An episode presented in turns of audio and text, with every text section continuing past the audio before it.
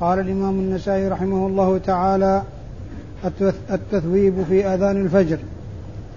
وقال أخبرنا سويد بن نصر. قال أخبرنا سويد بن نصر. قال حدثنا عبد الله عن سفيان عن أبي جعفر عن أبي سلمان عن أبي محذورة رضي الله تعالى عنه أنه قال كنت أؤذن لرسول الله صلى الله عليه وسلم وكنت أقول في أذان الفجر الأول حي على الفلاح. الصلاة خير من النوم. الصلاة خير من النوم. الله أكبر. الله أكبر. لا إله إلا الله. بسم الله الرحمن الرحيم.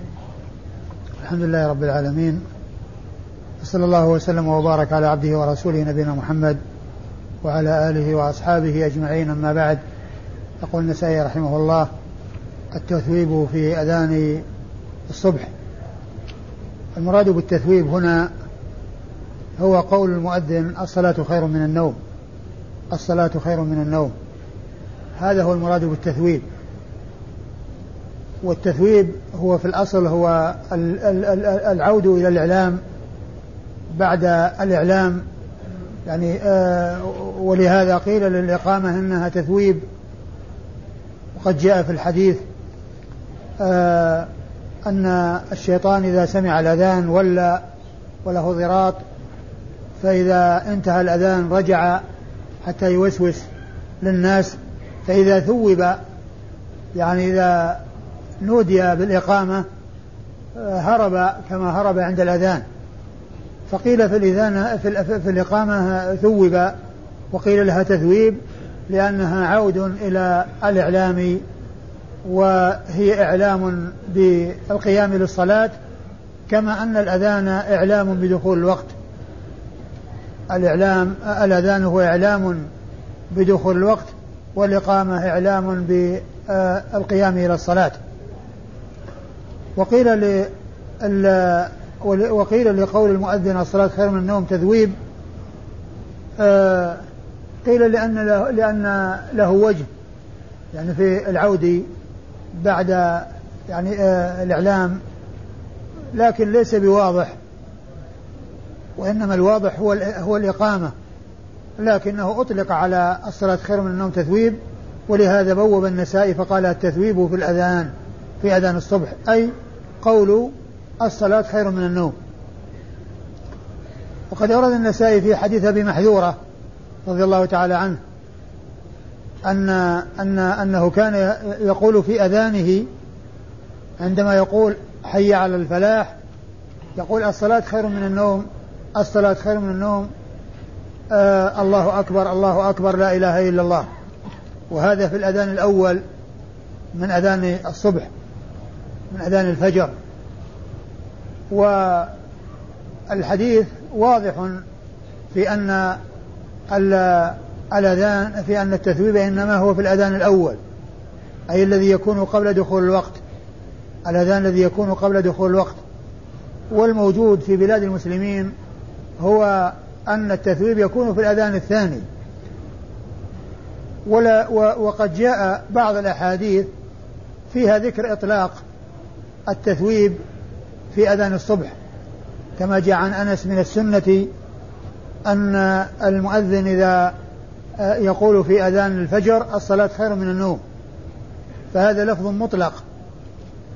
وحديث أبي محذورة فيه بيان أن التثويب إنما يكون في الأذان الأول الذي يكون في آخر الليل وقبل طلوع الفجر والذي الغرض منه إيقاظ النائم وإرجاع القائم إيقاظ النائم وإرجاع القائم أي لينام نومة خفيفة ليتهيأ لصلاة الصبح.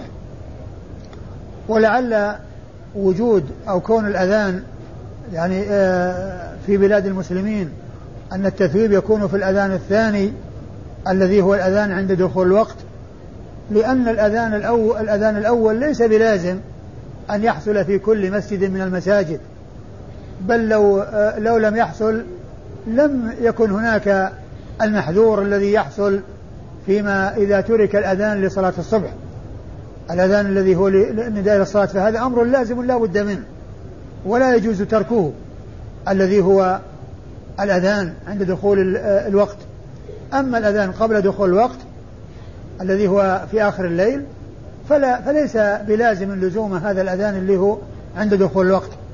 ولهذا فإن أنه يوجد الأذان في بعض البلاد في بعض المساجد. وليس في كل المساجد. وليس في كل المساجد. لأنه المقصود منه تنبيه الناس إلى أن يستعدوا للصلاة. وليس المقصود منه إعلام الناس بدخول وقت الصلاة. وإنما الأذان الثاني هو الذي فيه إعلام الناس بدخول وقت الصلاة وهو كغيره من آآ آآ من آآ من حصول الأذان في الأوقات الأخرى. لأن كل صلاة يؤذن عند دخول الوقت فيها ولا بد من الأذان وكل مسجد من المساجد يؤذن عند دخول الوقت. أما بالنسبة للأذان الأول فليس بلازم أنه كل مسجد يؤذن. فلعل ذكر الصلاة خير من النوم أنه لما لم لما كان الأذان الأول لا يحصل دائما وأبدا ولا يحصل ولا يلزم لزوم الأذان الثاني صار الإتيان بالصلاة خير من النوم إنما هو في الأذان الثاني. ولا شك أن في ذكر الصلاة خير من النوم تمييز بين الأذانين ومعرفة للأذان الأول من الأذان الثاني. وإذا آآ آآ عرف عند الناس بأن بأن الصلاة خير من النوم إنما تكون في الأذان الأول اتضح لهم ذلك. وإذا عرف أنها أنهم أنها تكون في الأذان الثاني اتضح ذلك فيكون العلم بالتمييز بين الأذانين الأول والثاني بهذه الجملتين وهما الصلاة خير من النوم الصلاة خير من النوم. آه وموضعها كما جاء في الحديث بعد حي على الفلاح وقبل آه الله أكبر الله أكبر لا إله إلا الله. أما إسناد الحديث فيقول النسائي أخبرنا سويد بن نصر وسويد بن نصر هو المروزي وهو ثقة خرج له الترمذي والنسائي.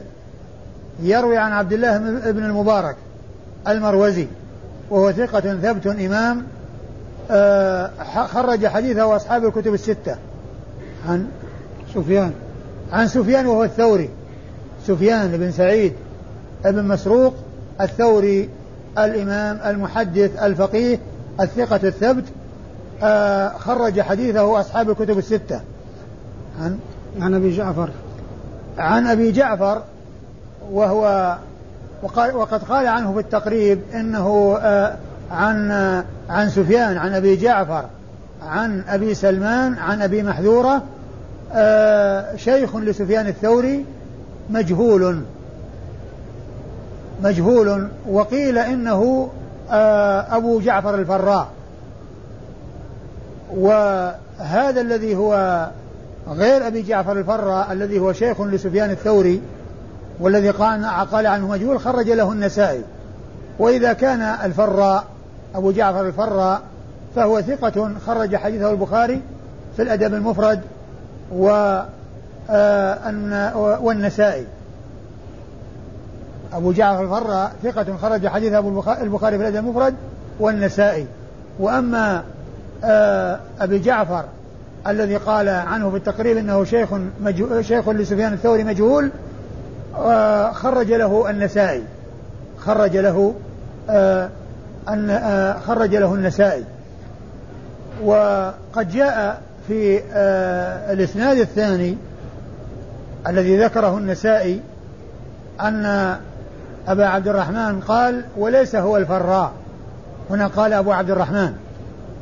وفي نسخة تحفة الأشراف الذي قال آه ليس ليس هو الفراء هو عبد الرحمن بن مهدي أحد الرواة في الإسناد. عبد الرحمن بن مهدي أحد الرواة في الإسناد. وقد ذكر في تحفة الأشراف أن أن أنه جاء من بعض الطرق وأن الراوي عن الذي روى عنه سفيان هو الفراء أبو جعفر الفراء. وكذلك جاء يعني عن غير أو من طرق أخرى أنه هو الفراء. فيحتمل أن يكون الفراء وأن يكون شيخا مجهولا لأبي آه لسفيان الثوري آه جعفر الفرة خرج له البخاري في الأدب المفرد والنسائي وهو ثقة والشيخ الذي آه، آه، أبو جعفر الذي هو شيخ للثوري والذي قال عنه مجهول إن خرج له النسائي خرج له النسائي. وسواء كان أبا جعفر الفراء الذي هو ثقة أو ذلك المجهول الذي هو شيخ فإن ذلك لا يؤثر لأن حديث التثويب وقول الصلاة خير من النوم جاءت عن أبي محذورة من طرق أخرى وقد تقدم بعضها وجاءت أيضا أي الذي هو التثويب جاء في آه في آه بعض الأحاديث الأخرى الذي غير حديث آه أبي محذورة. فلا يؤثر أو تلك الجهالة لا تؤثر. يعني إذا لم يكن هو أبا جعفر آه، آه، أبا جعفر الفراء لا يؤثر ذلك على صحة الحديث. لأن الحديث ثابت من طرق أخرى غير هذه الطريق آه، عن أبي جعفر عن أبي سلمان. عن أبي سلمان المؤذن. نعم. عن أبي سلمان المؤذن وهو مقبول. قال عنه النسائي إنه قال عنه الحافظ في التقريب إنه مقبول. وقد خرج حديثه النسائي. وقد خرج حديثه النسائي وحده. عن أبي محذورة وأبو محذورة هو قيل اسمه أوس آه، صاحب رسول الله صلى الله عليه وسلم ومؤذنه وقد خرج حديثه البخاري في الأدب المفرد ومسلم وأصحاب السنة الأربعة وقد مر ذكره في الأحاديث الماضية. قال أخبرنا عمرو بن علي قال حدثنا يحيى وعبد الرحمن قال حدثنا سفيان بهذا الإسناد قال حدثنا سفيان بهذا الإسناد نحوه. قال أبو عبد الرحمن وليس بأبي جعفر الفراء. وهذا إسناد آخر آه ذكره وأشار إلى أن آه المتن نحو هذا المتن. المتن نحو هذا المتن. وفيه قال أبو عبد الرحمن ليس هو الفراء أبو جعفر. وأبو أبو عبد الرحمن هو النسائي. لكن كما ذكرت في تحفة الأشراف التنصيص على أن الذي قال هذا الكلام هو عبد الرحمن بن مهدي. الذي قال هذا هذا الكلام هو عبد الرحمن المهدي الذي هو أحد الرواة في هذا الإسناد. أحد الرواة في هذا الإسناد الذي يروي هو ويحيى بن سعيد القطان عن سفيان الذي هو الثوري. يروي عن سفيان الثوري يرويان عن سفيان الثوري يحيى بن سعيد القطان وعبد الرحمن المهدي فإن في تحفة الأشراف أنه قال عبد الرحمن المهدي أن آه وليس آه وليس آه بأبي جعفر الفراء أي أبو جعفر هذا.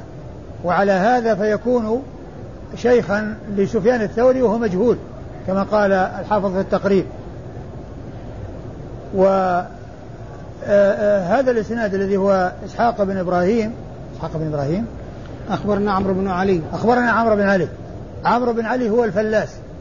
عمرو بن علي هو الفلاس وهو ثقة ناقد متكلم في الجرح والتعديل. له كلام كثير في الجرح والتعديل. كثيرا ما يأتي في التراجم تراجم الرجال وقال الفلاس كذا وقال الفلاس كذا. المراد في الفلاس هو عمرو بن علي هذا.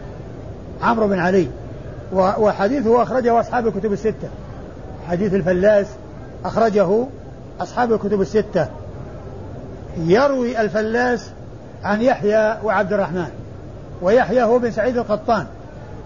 المحدث الثقة الثبت الناقد المتكلم في الجرح والتعديل وهو وحديثه عند أصحاب الكتب الستة. وعبد الرحمن بن مهدي أيضا كذلك محدث ناقد متكلم في الجرح والتعديل. وحديثه أخرجه أصحاب الكتب الستة. وهذان الرجلان وهما يحيى بن سعيد القطان وعبد الرحمن بن مهدي ذكرهما الذهبي في كتابه من يعتمد قوله في الجرح والتعديل. وأثنى عليهما وقال إنهما إذا جرح شخصا أو اتفقا على جرح شخص فإنه لا يكاد يندمل جرحه.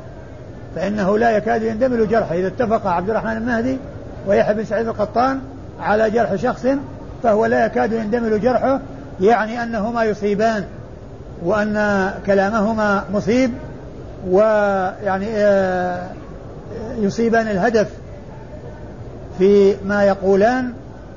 فيقول إذا إذا اتفق على جرح شخص فهو لا يكاد يندمل جرحه. عن سفيان وهو الثوري وقد تقدم وكذلك بقية الإسناد. بقية الإسناد اللي هم آه، آه، الثوري وأبو جعفر وأبي سلمان وأبو سلمان وأبو محذورة هؤلاء آه، هم الذين في الإسناد الذي قبل هذا. آخر آخر الأذان. قال أخبرنا محمد بن معدان بن عيسى قال حدثنا الحسن بن بن أعين قال حدثنا زهير قال حدثنا الأعمش عن إبراهيم عن الأسود عن عن بلال أنه قال آخر الأذان الله أكبر الله أكبر لا إله إلا الله. عن أبي محذورة. عن أبي محذورة. عن بلال. عن بلال. ثم ورد النسائي حديث أبي هذه الترجمة وهي آخر الأذان. أي ختام الأذان ونهايته بما يختم وما هي نهايته فأورد حديث بلال أن آخر الأذان الله أكبر الله أكبر لا إله إلا الله. نهاية الأذان الله أكبر الله أكبر لا إله إلا الله. قال بعض الشراح ولعل التنصيص على آخرية الأذان بقوله الله أكبر الله أكبر لا إله إلا الله حتى لا يتوهم أن التكبير في آخر الأذان كالتكبير في أول الأذان لأن التكبير في أول الأذان يربع يؤتى به أربع جمل وأما في آخر الأذان يؤتى به مثنى يعني جملتان فقط. وكذلك كلمة كلمة التوحيد لا إله إلا الله مفردة وهي اللفظة اللفظة الوحيدة التي تأتي مفردة في الأذان لأن بقية الألفاظ مكررة. إما مرتين وإما أربع مرات. التكبير في الأول أربع مرات والشهادة شهادة لا إله إلا الله مرتين وشهادة أن محمد رسول الله مرتين حي على الصلاة مرتين حي على الفلاح مرتين والله أكبر قبل الآخر مرتين ولا إله إلا الله مرة واحدة. وجاءت مرة واحدة لأن إفرادها يناسب معنى التوحيد. وهو إفراد الله وحده لا شريك له. وقول لا إله إلا الله فإنها جاءت مرة واحدة وإفرادها عن غيرها من ألفاظ الأذان يناسب من جهة أن ذلك يناسب التوحيد وهو أن الله تعالى هو الواحد في ألوهيته وربوبيته وأسمائه وصفاته سبحانه وتعالى. قيل ولعل الذكر أو التنصيص على آخرية الأذان حتى لا يظن أن آخر الأذان مثل أول الأذان وأن التر... أن أن أن التكبير يربع كما يربع في أول الأذان بل يختلف آخر الأذان عن أول الأذان وأن آخره الله أكبر الله أكبر مرتين وليس أربعة.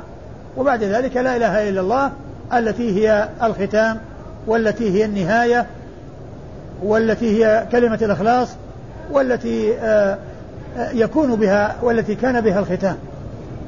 وهي التي آه، جاءت النصوص على أنه يحرص على أن تكون بها ختام هذه الحياة الدنيا. كما جاء عن رسول الله صلى الله عليه وسلم أنه قال لقنوا موتاكم لا إله إلا الله فإنه من كان آخر كلام من الدنيا لا إله إلا الله دخل الجنة. قد قال عليه الصلاة والسلام إنما الأعمال بالخواتيم فمن ختم له بلا إله إلا الله فهو على خير. آه الإسناد؟ أخبرنا محمد بن معدان بن عيسى. أخبرنا محمد بن معدان ابن عيسى وهو الحراني وهو ثقة خرج حديثه النسائي وحده. ثقة خرج حديثه النسائي وحده. قال عن موسى بن أعين. قال حدثنا الحسن بن أعين. الحسن بن أعين. قال حدثنا الحسن بن أعين. وهو الحسن بن محمد بن أعين وأحيانا ينسب إلى إلى جده كما هنا. فيقال الحسن بن أعين. وهو صدوق خرج له البخاري ومسلم والنسائي. صدوق خرج له البخاري ومسلم والنسائي. يعني خرج له صاحب الصحيح البخاري مسلم وخرج له من أصحاب السنن الأربعة النسائي وحده. قال حدثنا زهير. قال حدثنا زهير وهو بن معاوية الكوفي وهو ثقة ثبت خرج حديثه أصحاب الكتب الستة. قال حدثنا الأعمش. قال حدثنا الأعمش وهو سليمان بن مهران الكاهلي الكوفي وهو ثقة خرج حديثه أصحاب الكتب الستة وهو مشهور بلقبه الأعمش ويأتي ذكره أحيانا باسمه ونسبه فيقال سليمان بن مهران وأحيانا يقال سليمان وكثيرا ما يأتي بلقبه الأعمش ومعرفة ألقاب المحدثين من أنواع علوم الحديث وفائدة معرفتها ألا يظن الشخص الواحد شخصين. إذا ذكر مرة باسمه وذكر مرة بلقبه فإن من لا يعرف. يظن أن الأعمش شخص وسليمان لو جاء في الإسناد آآ آآ في إسناد آخر يظن أنه شخص آخر. والذي يعلم بأن الأعمش لقب لسليمان سليمان بن مهران لا يلتبس عليه الأمر ولا يظن الشخص الواحد شخصين. بل يعلم أنهما شخص واحدا ذكر مرة باسمه وذكر مرة بلقبه. عن إبراهيم. عن إبراهيم. عن إبراهيم وهو ابن يزيد بن قيس النخعي الكوفي. وهو ثقة ثبت خرج حديثه أصحاب الكتب الستة. وهو محدث فقيه. وهو محدث فقيه معروف بالفقه كما أنه معروف بالحديث. وهو الذي ذكرت فيما مضى أنه عبر بعبارة وهي قوله ما لا نفس له سائلة في آه في في مثل الجراد ومثل الذباب ومثل يعني أمثالها التي لا دم لها عبر عنها بما لا نفس له سائلة. ما لا نفس له سائلة. يعني ليس له دم سائل مثل الجراد ومثل الذباب. هذه ليس لها دماء. فهو الذي عبر بهذه العبارة وقال ما لا نفس له سائلة. ويقولون ما لا نفس له سائلة لا ينجس الماء إذا مات فيه. ما لا نفس له سائلة لا ينجس الماء إذا مات فيه. ويذكرون ذلك عند مناسبة ذكر الذباب في الحديث الذي فيه أن النبي صلى الله عليه وسلم قال إذا وقع الذباب في ناي أحدكم فليغمسه. فليغمسه ثم ليلقه وليشرب. قالوا فإن الغمس قد يكون الماء حارا فإذا غمس مات. والرسول أمر باستعماله أو أرشد إلى استعماله. فلو كان لو كان يتنجس لما أرشد النبي صلى الله عليه وسلم إلى استعماله. لكن لما أرشد إلى غمسه ثم استعمال الماء بعد غمسه ومن مظنة وغمسه إذا كان الماء حارا مظنة موته فهو فهذا دليل على أن على أن ما لا نفس له سائلة لا ينجس الماء إذا مات فيه. والذي عبر بهذه العبارة أولا ولم يسبقه إلى التعبير بها أحد هو إبراهيم النخعي. كما ذكر ذلك ابن القيم في كتابه زاد المعاد حيث قال وأول من حفظ عنه أنه عبر بهذه العبارة فقال ما لا نفس له سائلة إبراهيم النخعي وعنه تلقاها الفقهاء من بعده وعنه تلقاها الفقهاء من بعده. وإبراهيم النخعي ثقة ثبت خرج حديثه أصحاب الكتب الستة. يروي عن يروي عن خاله الأسود الأسود بن يزيد بن قيس النخعي وهو ثقة مخضرم خرج حديثه أصحاب الكتب الستة. يروي عن بلال وهو ابن رباح. بلال ابن رباح مولى أبي بكر الصديق مولى أبي بكر الصديق رضي الله عنه وأرضاه وهو من السابقين الأولين ومؤذن رسول الله صلى الله عليه وسلم وحديثه أخرجه أصحاب الكتب الستة. قال أخبرنا سويد قال أخبرنا عبد الله عن سفيان عن منصور عن إبراهيم عن الأسود أنه قال كان آخر أذان بلال الله أكبر الله أكبر لا إله إلا الله. ثم ورد النسائي حديث من طريق أخرى آه عن عن إبراهيم عن الأسود قال كان آخر أذان بلال الله أكبر الله أكبر لا إله إلا الله. وهو مثل الذي قبله. وهو مثل الذي قبله. آه الله أكبر الله أكبر لا إله إلا الله هذا هو نهاية الأذان. التكبير مرتين وكلمة التوحيد مرة واحدة. هذا هو آخر الأذان وهذا هو ختام الأذان. وأما إسناد الحديث يقول النسائي أخبرنا سويد؟ قال أخبرنا سويد. آه. عن عبد الله؟ قال, آه. قال أخبرنا عبد الله؟ قال أخبرنا عبد الله. آه سويد ابن نصر وعبد الله هو المرو ابن المبارك المروزي وقد مر ذكرهما في الإسناد الماضي. عن منصور؟ عن عن سفيان. عن سفيان وهو الثوري وقد مر ذكره أيضا. عن, عن منصور وهو ابن المعتمر وهو كوفي ثقة خرج حديثه أصحاب الكتب الستة. عن؟ عن إبراهيم. عن الأسود. عن الأسود. عن إبراهيم عن الأسود وقد مر ذكرهما في الإسناد الذي قبل هذا. قال أخبرنا سويد قال أخبرنا عبد الله عن سفيان عن الأعمش عن إبراهيم عن الأسود مثل مثل ذلك. ثم ورد النسائي حديث إسناد آخر هو مثل الإسناد الذي قبله إلا أن فيه الأعمش بدل بدل منصور. الأعمش بدل منصور بن المعتمر آه و والأعمش مر ذكره في ال في الإسناد قبل هذا. يقول في التعليق وقع في نسخة النظامية. نعم وقع في بعض النسخ التنصيص على على يعني مثل ما كانت العبارة في المتن الذي قبله آه كان آخر بلال أذان بلال الله أكبر الله أكبر لا إله إلا الله. وهنا قال مثل ذلك. يعني في بعض النسخ كلمة مثل ذلك وفي بعضها نفس العبارة التي مرت وهي آخر أذان بلال الله أكبر الله أكبر لا إله إلا الله. وكلمة مثل ذلك يعني هي هي هذه. لأن معناه إذا قيل مثل فمعناه مطابق للمتن الذي قبله تماما. بألفاظه ومعانيه. بخلاف ما إذا قيل نحوه فإنه لا يطابق في الألفاظ ولكن يتفق معه في المعنى يتفق معه في المعنى وقد يخالف في بعض الألفاظ. أما إذا قيل مثله فهو يطابقه ويماثله. فهنا في بعض النسخ قال مثل ذلك. وفي بعضها نفس العبارة التي في في المتن السابق وهي كان آخر أذان بلال الله أكبر الله أكبر لا إله إلا الله جيء بها. أخبرنا سويد بن النصر. أخبرنا نعم. سويد بن النصر. أيوه. قال سويد بس. أخبرنا سويد بن النصر. عن قال أخبرنا عبد الله. أيوه. عن سفيان عن عن, عن الأعمش. أي نعم. عن إبراهيم عن الأسود. أي نعم. هذا هو اللي ذكره. قلنا أن الإسناد هذا الإسناد مثل الإسناد الذي قبله. إلا بدل إلا أن فيه الأعمش بدل منصور. والباقي الذين قبل الأعمش والذين بعده الذين تحته والذين فوقه مطابق للإسناد الذي قبل هذا وليس فيه إلا إبدال منصور بالأعمش. قال أخبرنا سويد قال حدثنا عبد الله عن يونس عن يونس بن أبي إسحاق عن محارب بن دثار قال حدثني الأسد بن يزيد عن أبي محذورة أن آخر الأذان لا إله إلا الله. ثم ورد النسائي حديث أبي محذورة آه حديث أبي محذورة؟ اي نعم أبي محذورة أن آخر الأذان لا إله إلا الله. آخر الأذان لا إله إلا الله. يعني كلمة الإخلاص مفردة مرة واحدة.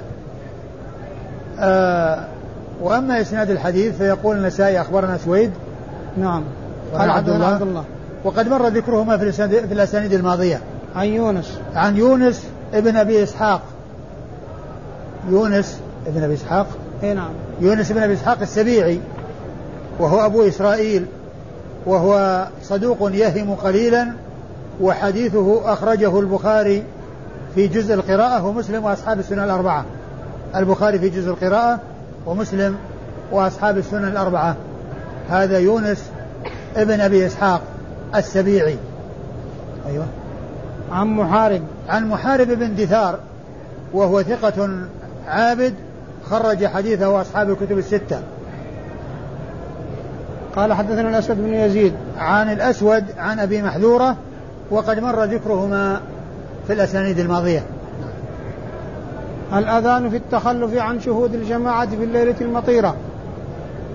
قال أخبرنا قتيبة قال حدثنا سفيان عن عمرو بن دينار عن عمرو عن عمرو بن أوس أنه كان يقول أخبرنا رجل من ثقيف أنه سمع منادي النبي النبي صلى الله عليه وسلم يعني في ليلة في ليلة مطيرة في السفر يقول حي على الصلاة حي على الفلاح صلوا في رحالكم.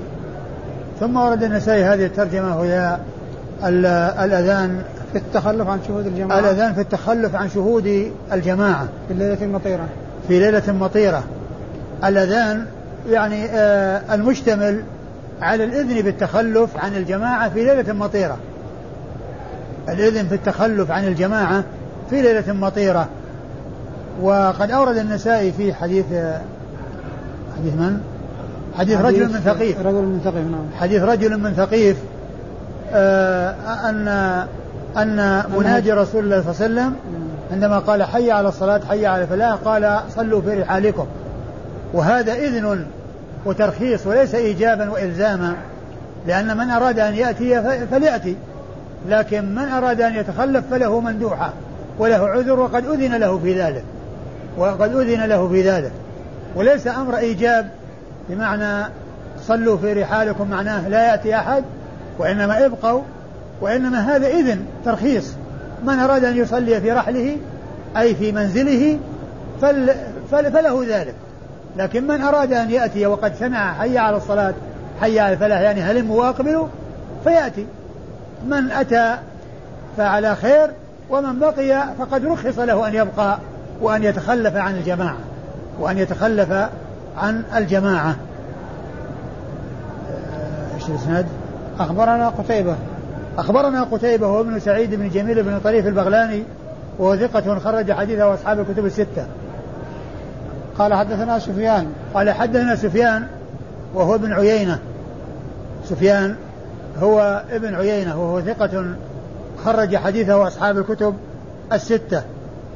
عن عمرو بن دينار وهو المكي وهو ثقة خرج حديثه أصحاب الكتب الستة. عن عمرو بن أوس. عن عمرو بن أوس ابن أبي أوس الثقفي الطائفي وهو من كبار التابعين وحديثه أخرجه الجماعة. ها؟ الكتب الستة؟ نعم وحديثه أخرجه أصحاب الكتب الستة. قال أخبرنا رجل من ثقيف. قال أخبرنا رجل من ثقيف وهذا مبهم. هذا يقال له المبهم. عندما يأتي يقال رجل فهو مبهم. وإذا ذكر الشخص غير منسوب قال له مهمل. مثل سفيان غير منسوب. هل هو ابن عيينة أو الثوري؟ قال له مهمل. ولكن إذا كان قيل رجل أو امرأة هذا يسمى المهمل. والمبهم. وهذا في غير الصحابة يؤثر. أما في الصحابة فإن فإن الإبهام لا يؤثر. ما دام عرف أنه من أصحاب رسول الله صلى الله عليه وسلم فإنه لا يؤثر جهالته لا يؤثر عدم علم عينه ولا حاله لأن أصحاب رسول الله صلى الله عليه وسلم عدول بتعديل الله عز وجل لهم وتعديل رسوله صلى الله عليه وسلم. لا يحتاجون إلى تعديل المعدلين وتوثيق الموثقين بعد أن عد لهم رب العالمين وعد لهم رسوله الكريم صلوات الله وسلامه وبركاته عليه.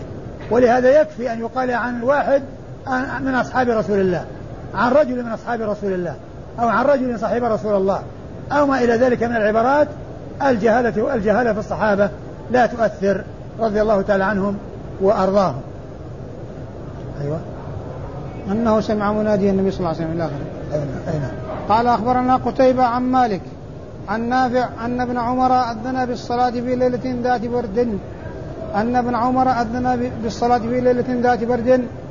وريح فقال ألا صلوا في الرحال؟ فإن رسول الله صلى الله عليه وسلم كان يأمر المؤذن إذا كانت ليلة باردة ذات مطر يقول ألا صلوا في الرحال.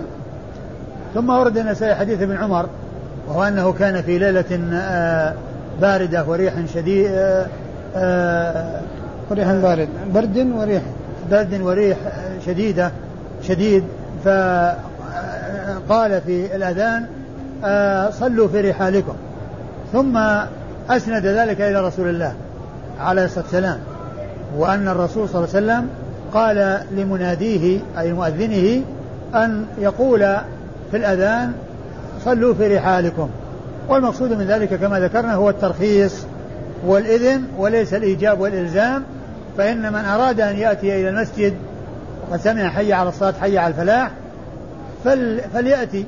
ولكن من أراد أن يتخلف فله فله رخصة. ولهذا الترجمة الأذان في التخلف عن حضور الجماعة في ليلة مطيرة. الأذان في التخلف. يعني من أراد أن يتخلف فليتخلف. وأما إسناد الحديث فيقول أخبرنا؟ أخبرنا قتيبة. أخبرنا قتيبة وقد مر ذكره في الإسناد الذي قبل هذا. عن مالك. عن مالك وهو ابن أنس إمام دار الهجرة المحدث الفقيه صاحب المذهب المعروف وحديثه أخرجه أصحاب الكتب الستة. عن نافع. عن نافع وهو مولى ابن عمر وهو ثقة ثبت خرج حديثه أصحاب الكتب الستة. عن ابن عمر رضي الله تعالى عنهما وقد فعل ذلك وأسنده إلى رسول الله عليه الصلاة والسلام وعبد الله بن عمر هو الصحابي الجليل آه، أحد العبادلة الأربعة في الصحابة وهم عبد الله بن عمر وعبد الله بن عمر بن عمرو وعبد الله بن عباس وعبد الله بن الزبير وأحد السبعة المكثرين من رواية حديث رسول الله صلى الله عليه وسلم. وهؤلاء الثلاثة الذين في الإسناد وهم مالك عن نافع عن ابن عمر هؤلاء الثلاثة هم السلسلة التي قال عنها البخاري إنها أصح الأسانيد. مالك عن نافع عن ابن عمر هذه أصح الأسانيد عند البخاري. أصح الأسانيد عند البخاري الإسناد الذي يكون فيه مالك عن نافع عن عبد الله بن عمر رضي الله تعالى عنهما. والله أعلم وصلى الله وسلم وبارك على عبده ورسوله نبينا محمد وعلى آله وأصحابه أجمعين.